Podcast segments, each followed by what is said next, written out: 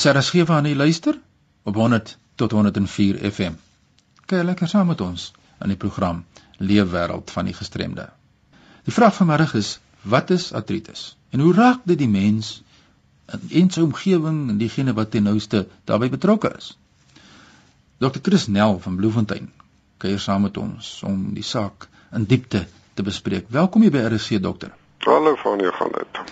Dokter, voordat ons nou begin oor artritis. Kom ons hoor eers, waar kom jy vandaan? Bietjie meer agtergrond oor jouself? Ek het lankpad deur die hele Suid-Afrika deur gebore in die Kaap, meesal in Pretoria gewees, daar voorgehad gestudeer en my spesialiteite hier in Bloemfontein kom afhandel. En tans hier beperkte privaat praktyk, maar ook grootendeels betrokke by die staat se reumatologie diens hier in Bloemfontein. Nou ja, soos ons nou in die begin van die program gesê het, ek gevra wat is artritis, maar kom ons draai net eers 'n bietjie terug en sê wat is 'n reumatoloog? Nou, 'n Reumatoloog is 'n is 'n kenner op die gebied van artritis en verwante toestande soos sistemiese lupus, scleroderma en sekere spiertoestande. En dit vat eintlik 'n lang pad om uiteindelik as een te kwalifiseer. Dit is die hele voorgraadse studie as 'n algemene praktisyn, verder 4 jaar om as internis te kwalifiseer en dan laasens nog 2 jaar spesifieke studie in die veld van artritis. En dit is waarskynlik deels van die rede hoekom daar tans plus minus maar net 50 reumatoloë in die hele Suid-Afrika is. Dokter, die uh, luisteraars sê altyd vir ons ons kan baie lees oor toestande en ons kan baie lees oor artritis, maar maar hoe sal u dit verduidelik dat die Jan en Alleman dit kan verstaan wat presies is daar aan die gang? Artritis waarskynlik meer in die volksmond bekend as reumatiek En in breë beteken dit eintlik daar is aantasting van die pasiënt se gewrigte en uh, daar's letterlik honderde tipes daar buite en um, en dit is nie altyd maklik om te besluit wat is die spesifieke tipe wat in die pasiënt teenwoordig is nie. Maar mens kan dit hoofsaaklik opdeel in twee groot groepe, naamlik meganiese artritis en dan ook inflammatoriese artritis. Nou ja, dis is reeds ook een van die luisteraars, soos jy weet, daar word reklame vir die program gedoen op ons webtuiste www.rsg.co.za en uh iemand vra die verskil reeds spesifiek tussen meganiese en inflammatoriese artritis. Wat is die verskil? Uh meganiese artritis is veral weens verwering van die gewrigte. Ehm um, die Engelse sou sê wear and tear van die gewrigte. En is meestal kom saam met veroudering voor, maar kan baie keer verhaas word deur onder andere werkomstandighede, mense wat baie met hulle hande werk, swaar voorwerpe die hele tyd optel en hulle beseer. Ook ongelukke motorongelukke, sport, weet jy tipiese ou rugby speler wat altyd kla van sy knie wat seer en styf is. En die belangrikste of die mees algemene voorbeeld sal natuurlik osteoartritis wees daarenteen inflammatoriese artritis is daar ontsteking in die gewriggies teenwoordig. En ons weet nog nie altyd hoekom nie, maar in breë lyk dit of daar abnormaliteite in mense genetiese samestelling is en ergens deur die loop van jou lewe word dit geaktiveer.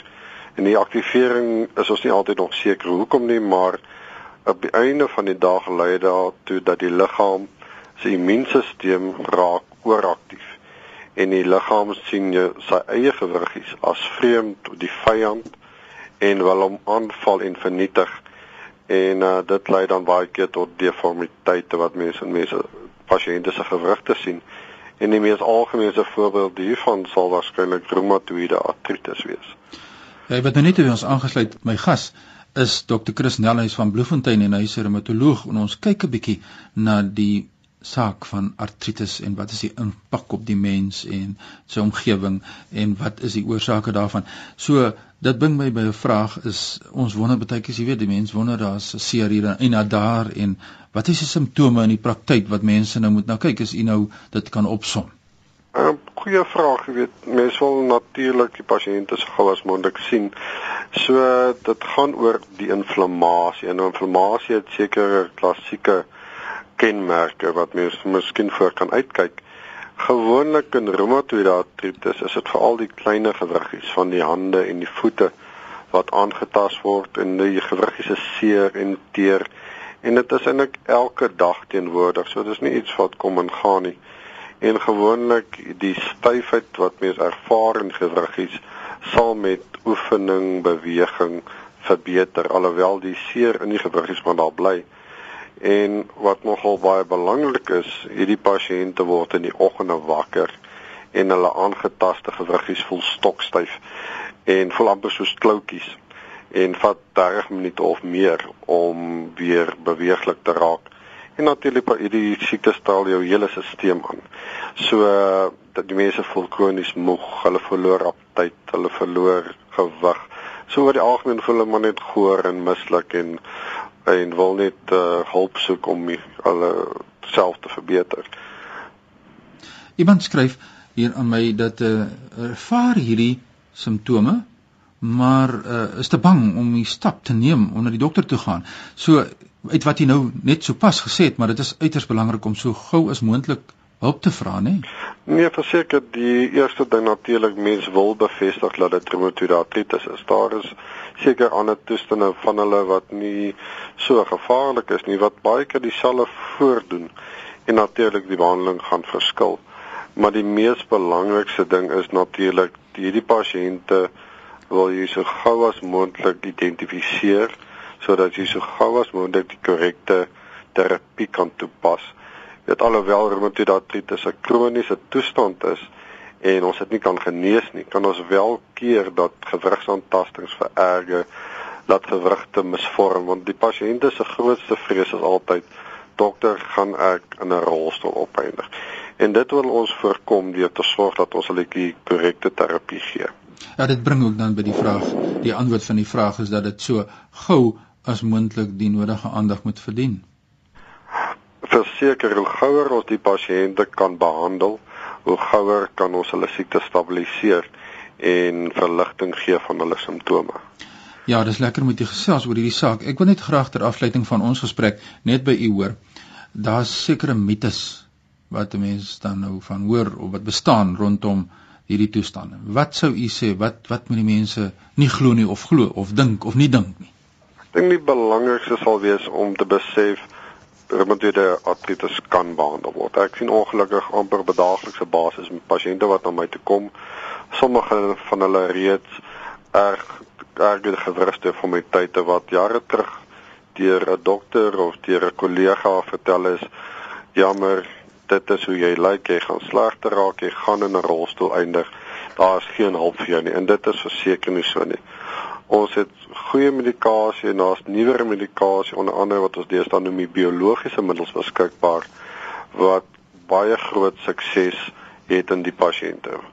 Groot sukses veral in die pasiënte wat ons kan vroeg optel, kan dan behandel voordat hulle enige abnormaliteite ontwikkel maar selfs daai pasiënte reeds met gewrigsabnormaliteite vir hulle selfs is daar hoop en kan ons tot 'n sekere mate hulle lewenskwaliteit nog steeds verbeter.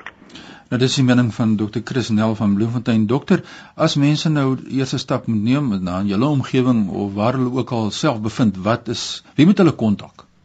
Ehm um, hulle kan universiteit hospitaal skakel as dit pasiënte is wat meer uh, wat nie mediese fonds het nie en vra vir die reumatologie afdeling andersins om my kamers is by Netcare Universitas in Bloemfontein en hulle kan gerus die skakel word skakel en en sal ons hulle probeer akkommodeer so ver as wat ons kan.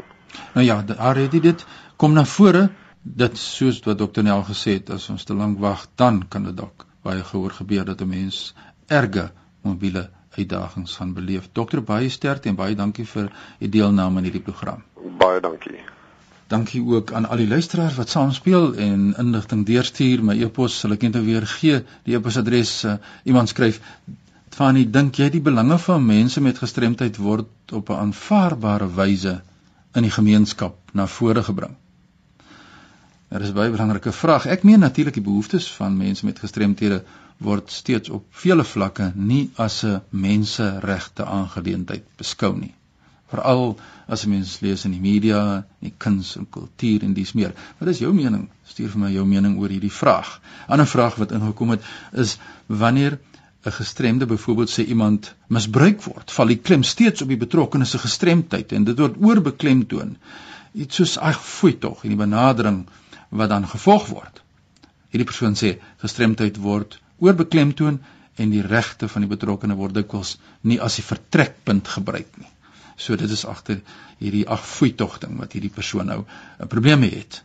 Dan is daar iemand, hy sê hy's 'n parapleeg van Gauteng en hy vra waarom kan die fokus nie eerstens op die betrokkenes se reg tot die mens wees nie, reg tot mens wees en daarop val nie. En dan soos enige ander lid van die gemeenskap hanteer en behandel word en dan na die persoon se gestremdheid as 'n tweede saak gekyk word en dit sluit aan by die vorige persoon wat ook voel dat hierdie afvoer tog benadering baie belemmerend is en want die persoon sê bejammering is 'n struikelblok en dit vervreem mense met gestremthede van die breë gemeenskap. En so sal gestremdes altyd as anders beskou word sê hy en sodoende nooit van deel van die daaglikse lewensbestaan word soos hy dit uitdruk nie. Vraag van my kant, 'n oop vraag en daarmee sluit ek af dag se program is die gemeenskap ingelig, genoeg ingelig oor die uitdagings van mense met gestremthede. En hoe word hierdie inligting in die media deurgegee? Watter indruk wek gestremdheid en watter beeld word aan die gemeenskap oorgedra. Kom die beeld wat algemeen in die media geskep word ooreen met die werklikhede, reflekteer dit die aspekte wat met menswees en gestremd wees te doen het en wat mense met gestremdhede graag oral self wil sien en lees in die media. Kinders met wie ek gesels het meen verkeerde denkerigtings is 'n veel groter struikelblok as fisiese struikelblokke denkerigtings en dit is baie belangrik om te verander. So, dit bring ons aan die einde van hierdie week se program. Baie dankie vir almal wat deelgeneem het. Indien enige vrae of voorstelle het, my e-pos is fani.dt by mweb.co.za.